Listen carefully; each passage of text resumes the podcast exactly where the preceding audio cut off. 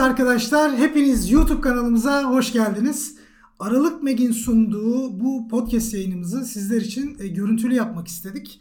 Aynı zamanda aynı yayını e, podcast hesabımızda da paylaşacağız. Aralık Meg'in hesabında. Hepiniz hoş geldiniz. Evet hoş geldiniz. E, Bu bu şekilde ilk deneme kaydımız olacak. Ee, Bundan sonra da duruma göre yine bu şekilde devam edebiliriz. Hem video hem podcast şeklinde. Çünkü e, biliyorsunuz ki bazı şeyleri sesle anlatmak zor. Tabii. Bazı şeyleri de görüntüyle anlatmak zor olabiliyor. Ama bizim şimdi YouTube'daki podcast yayınlarımızı attığımızdaki duruma baktığımızda mesela istatistikler izleme oranları çok düşük. Yani normal bir videoya göre. evet. O nedenle bir de aslında böyle bir şey denemek istedik. Bakalım nasıl bir sonuç çıkacak. Bugün sizlere e, daha çok bize soru şeklinde gelen, aklınıza takılan kısımlardan birazcık konu başlıkları seçtik.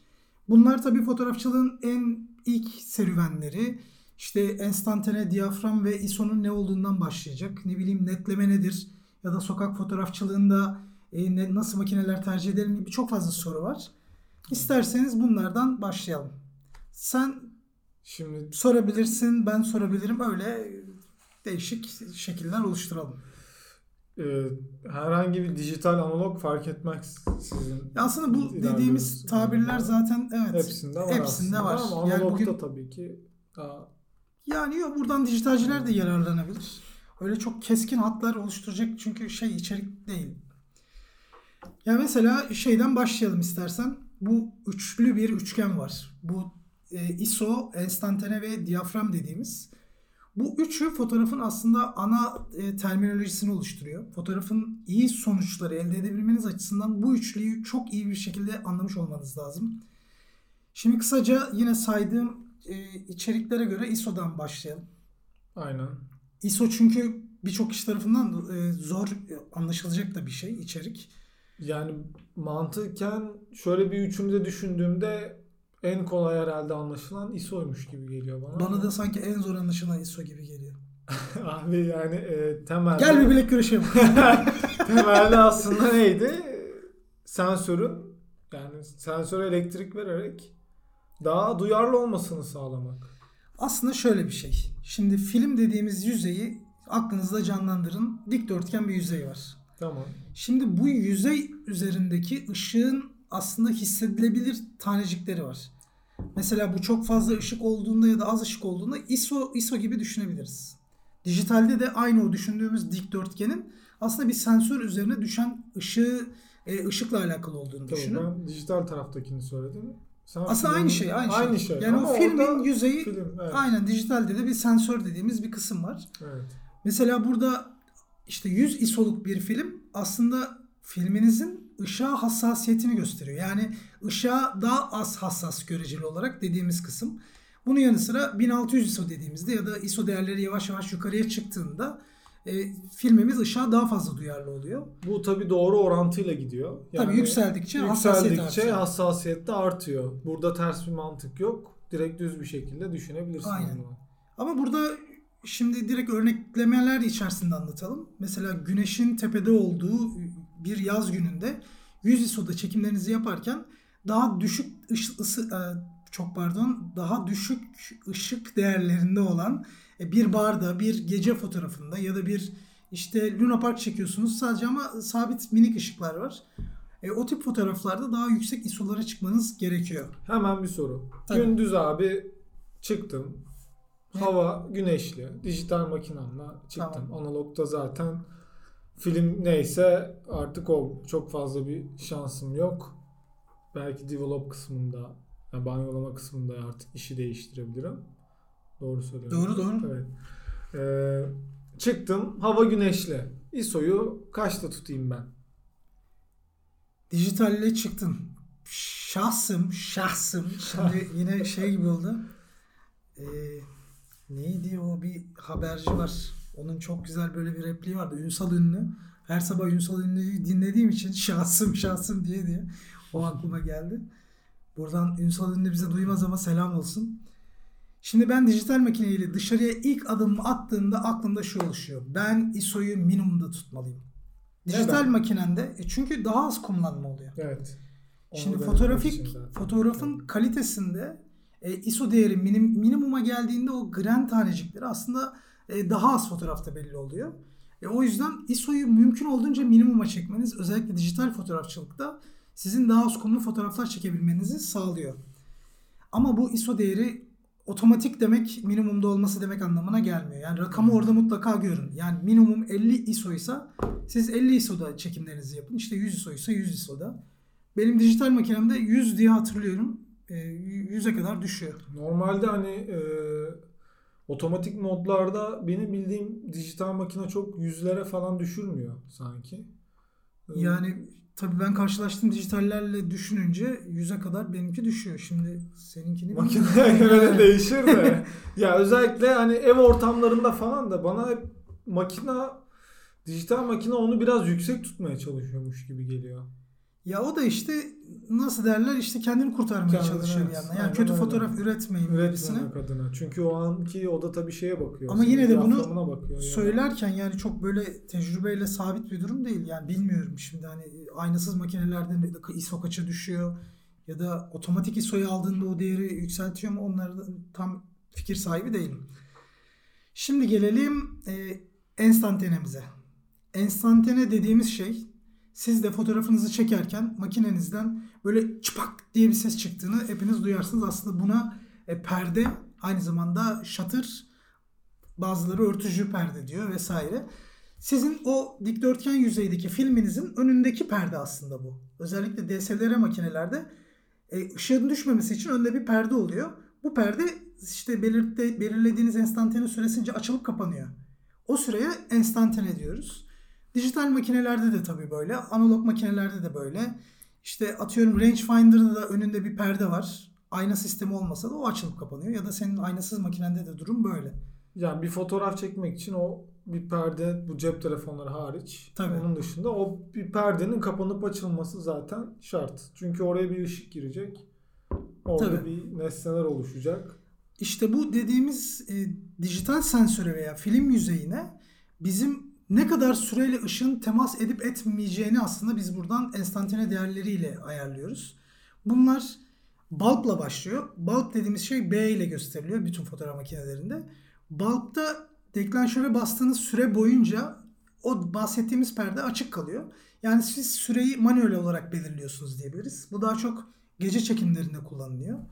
Ya da uzun uzun pozlama yapacağımız durumlarda atıyorum akan suyu pamuk sulaştırma durumlarında uzun enstantane kullanılıyor. Doğa fotoğrafçılığı. Doğa fotoğrafçılığında. yani.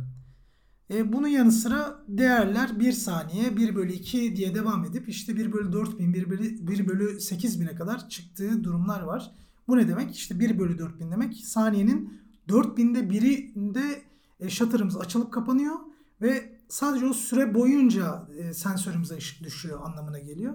Bu da tabii bizim asla göremeyeceğimiz bir açılıp kapanma süresi. Çünkü sizin de analog makineleriniz varsa e, objektifinizi çıkarın. Filmi takmadan bir deneme yapın. Sadece süresine bakın. Yani 1 bölü 1000'i alın. 1 bölü 1000'de bakın bakalım e, o perden açılıp kapanmasını görebiliyor musunuz?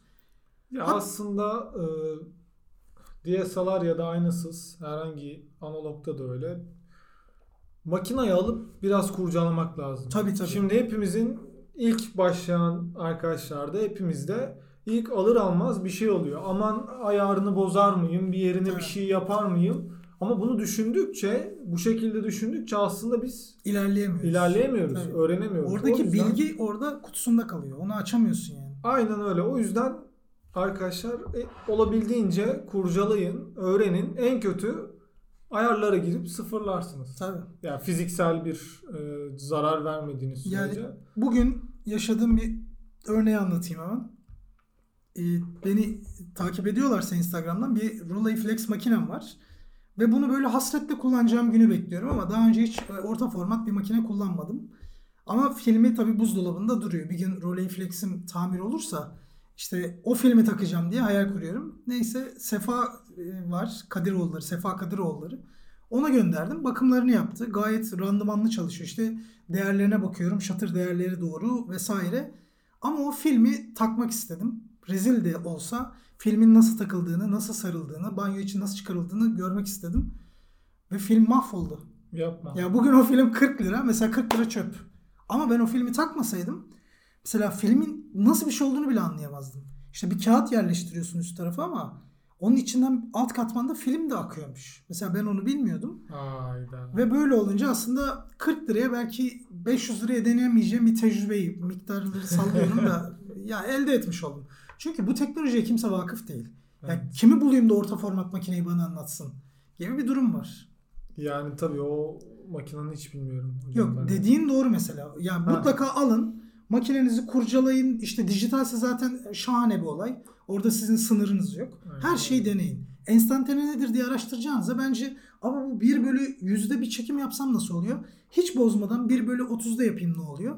Oradaki ışık patlamasını görün. Bence de en güzel tecrübe edeceğiniz yöntem bu.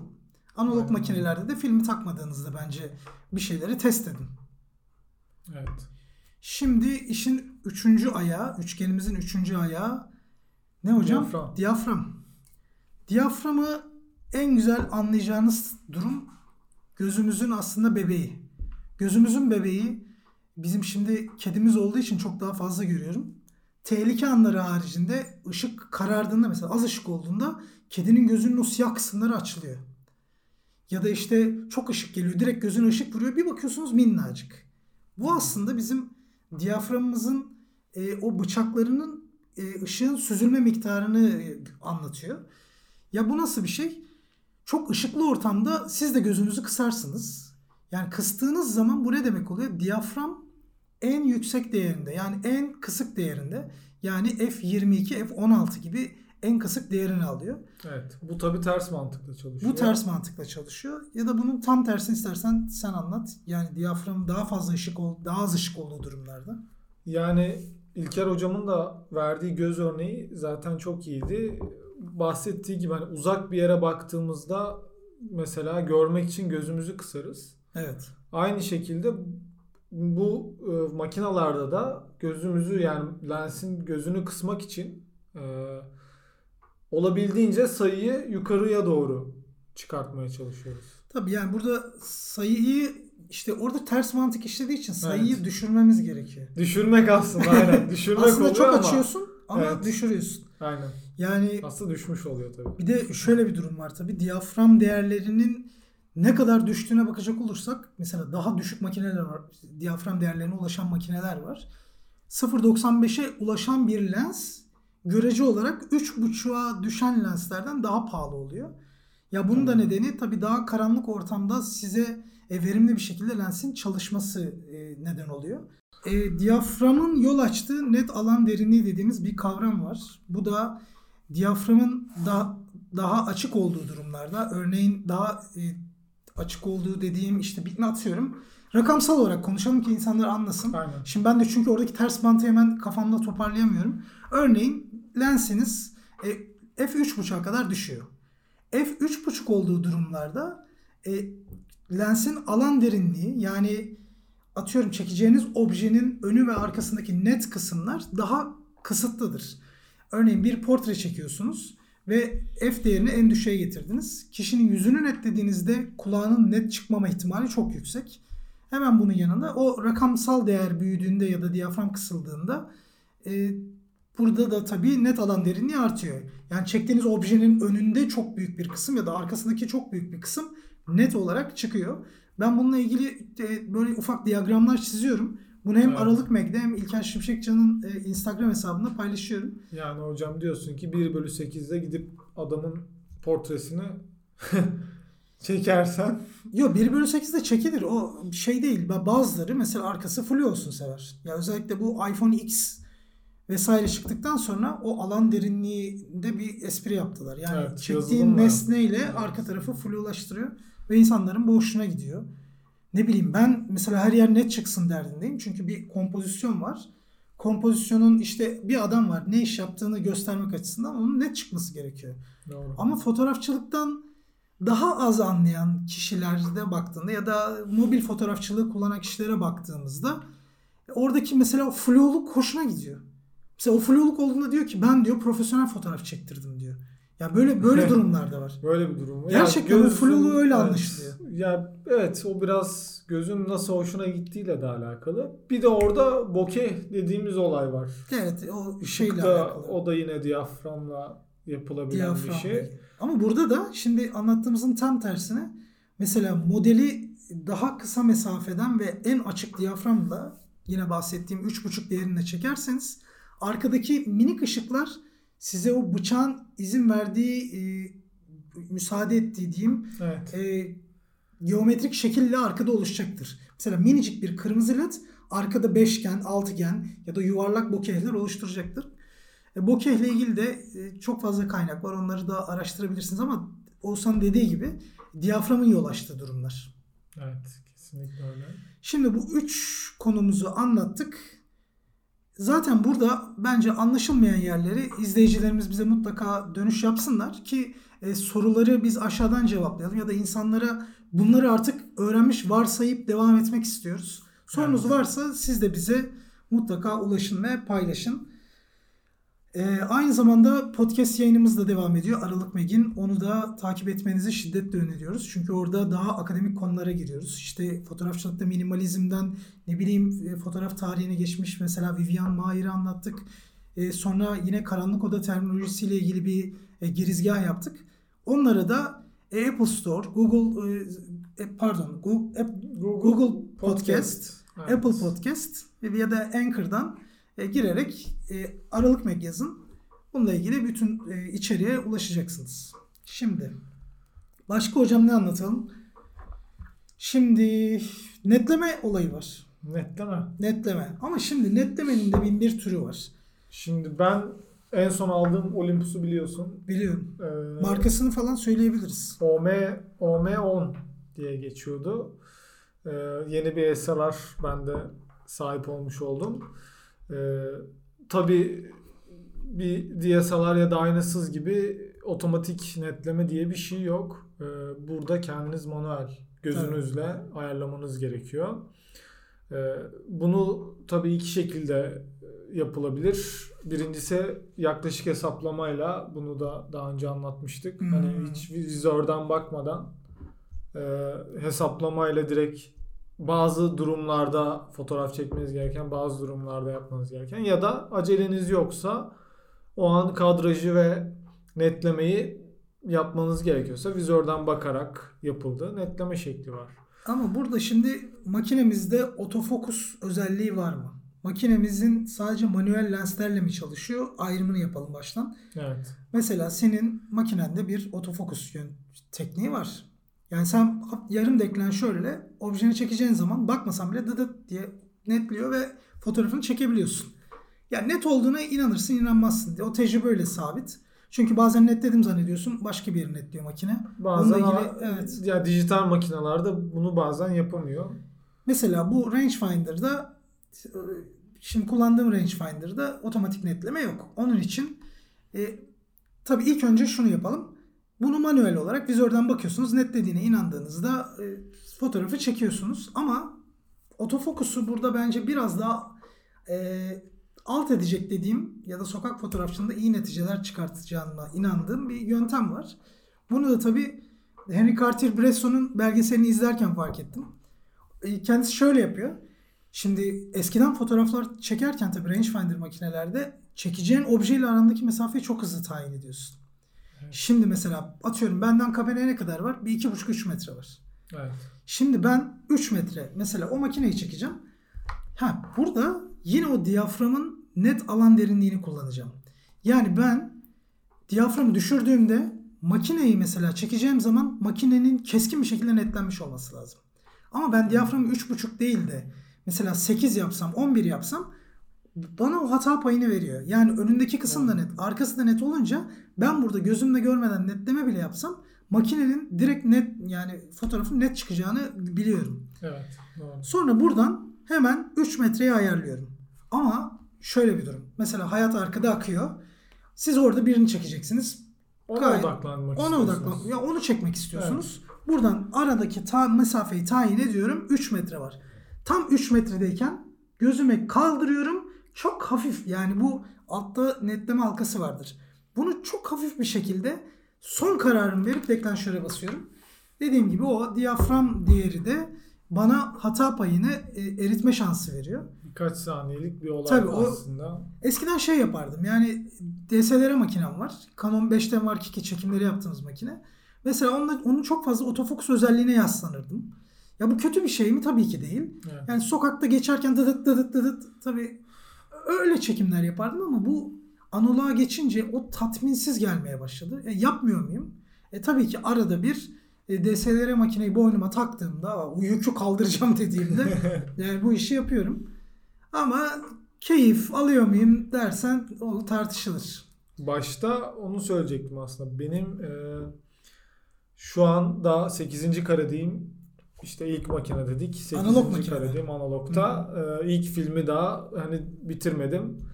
E, açıkçası biraz zorlandım netleme yaparken. Çünkü orada bir bakınca bu cihazda da var biliyorsun. Leica'da da.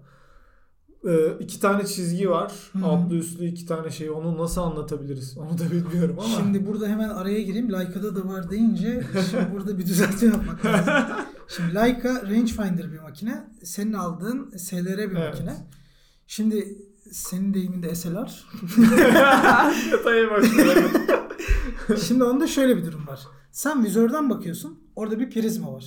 Prizmadan aslında aşağıdan ayna direkt sana objektiften geleni ayna vasıtasıyla prizmadan gözüne düşürüyor. evet. Sen ne görüyorsan onu çekiyorsun. Kamerayı mı görüyorsun? Şlaks kamera. Ne gördüysen o. Kadraj birebir aynısı. Ama rangefinder'da öyle değil. Rangefinder'ın vizöründen baktığınızda kamerayı iki tane görüyorum. O iki kamera, kamera üst üste geldiğinde netlik sağlanıyor. Ha, onda öyle bir fark var. Evet. Burada çizgi yok. Ama sende Rangefinder'da. yani sende de şöyle bir şey Bende var. de yine iki tane yuvarlak. Evet yuvarlağın gibi tam şey. ortasında tam üst üste çakışacak çok haklısın. Doğru öyle bir Ha, durum var. yani Ama orada- bunda şey tamamında var. On, tamam. O, Burada dolapta evet, mesela yani kadrajda o da öyle net değil falan. Acaba daha mı kolay orada netleme yapmak? Ara, ara, ara. yok yok. Rangefinder. Yani ilk Bence başta, daha zor. e, biraz zorlandım onu demek istiyordum. Acaba netleyebildim mi falan Hocam, derken. hemen güzel bir söz. Beraber şey yapacağız. Hemen güzel.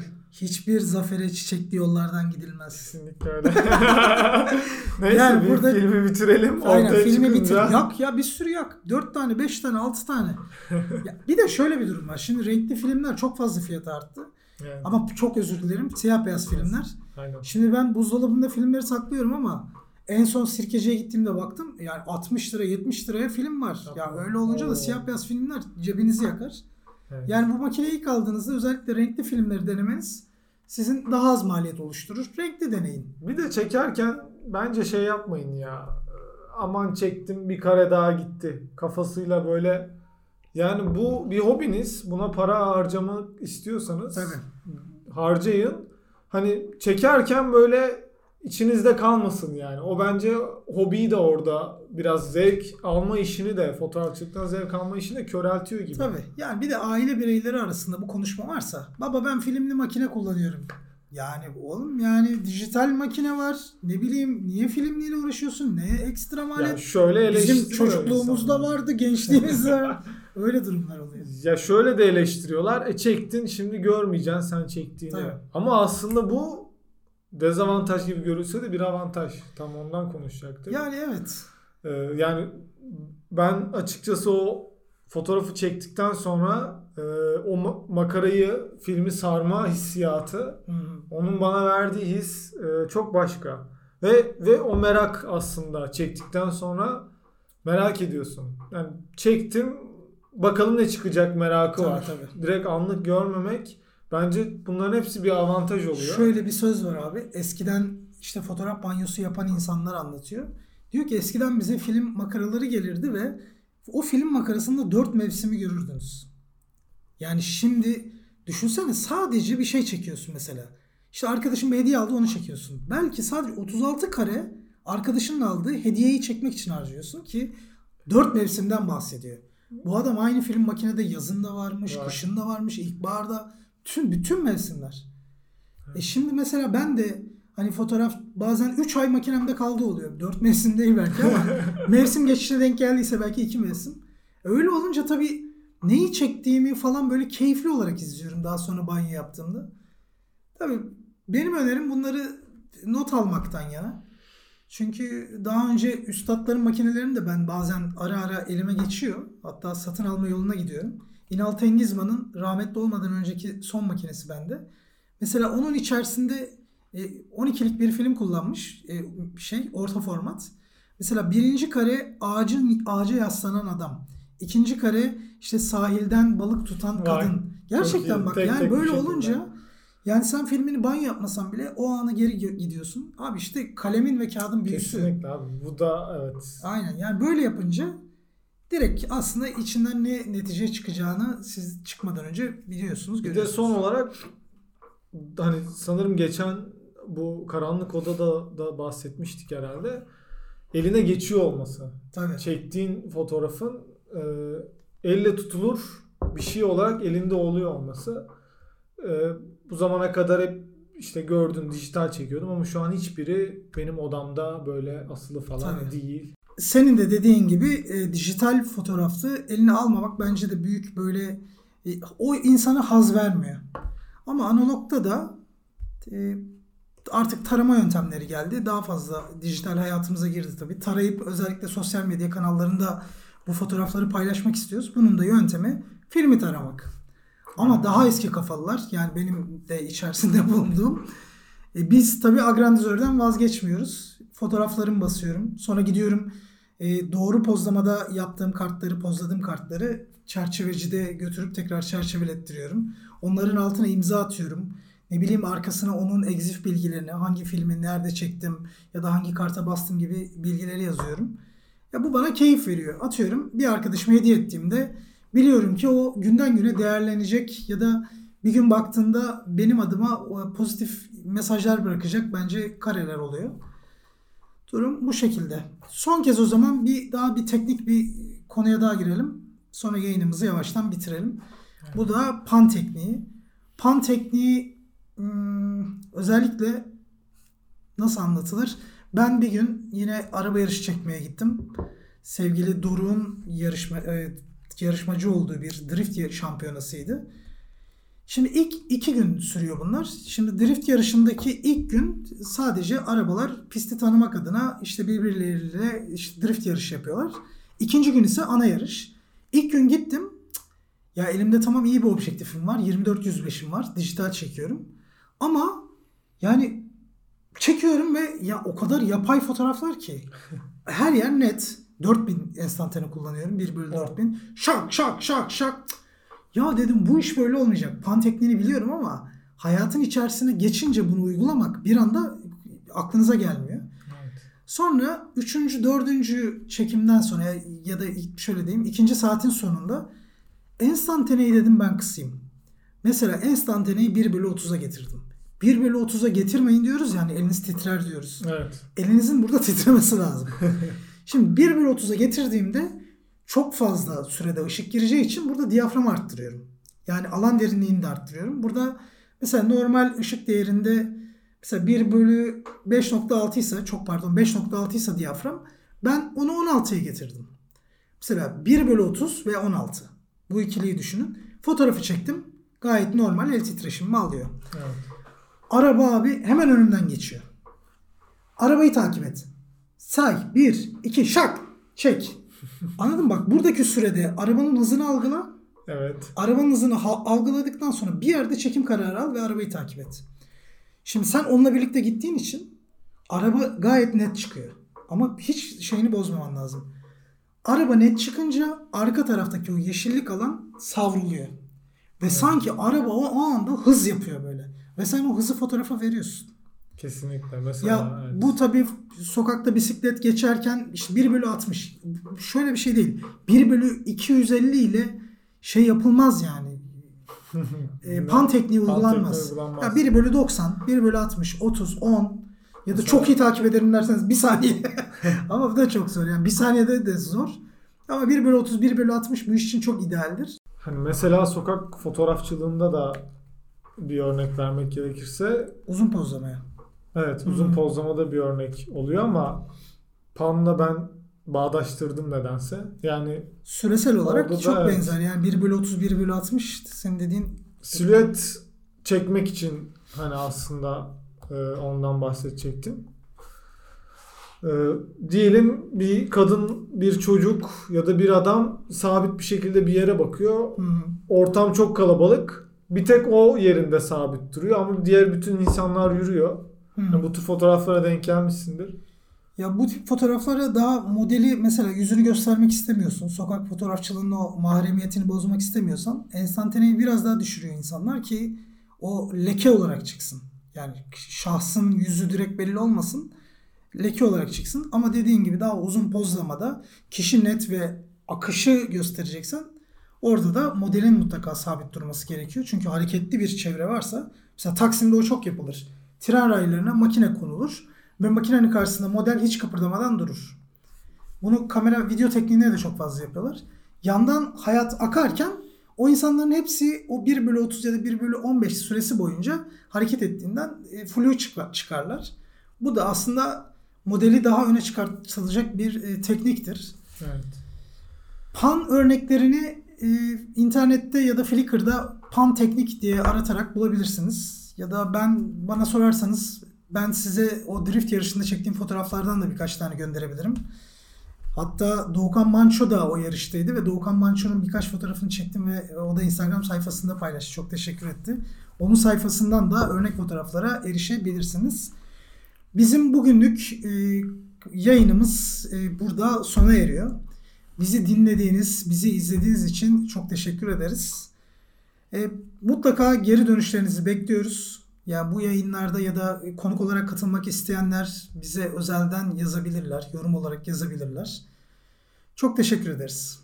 Dinlediğiniz ve izlediğiniz için çok teşekkürler. Bir sonraki bölümde ve yayında görüşmek üzere. Hoşçakalın.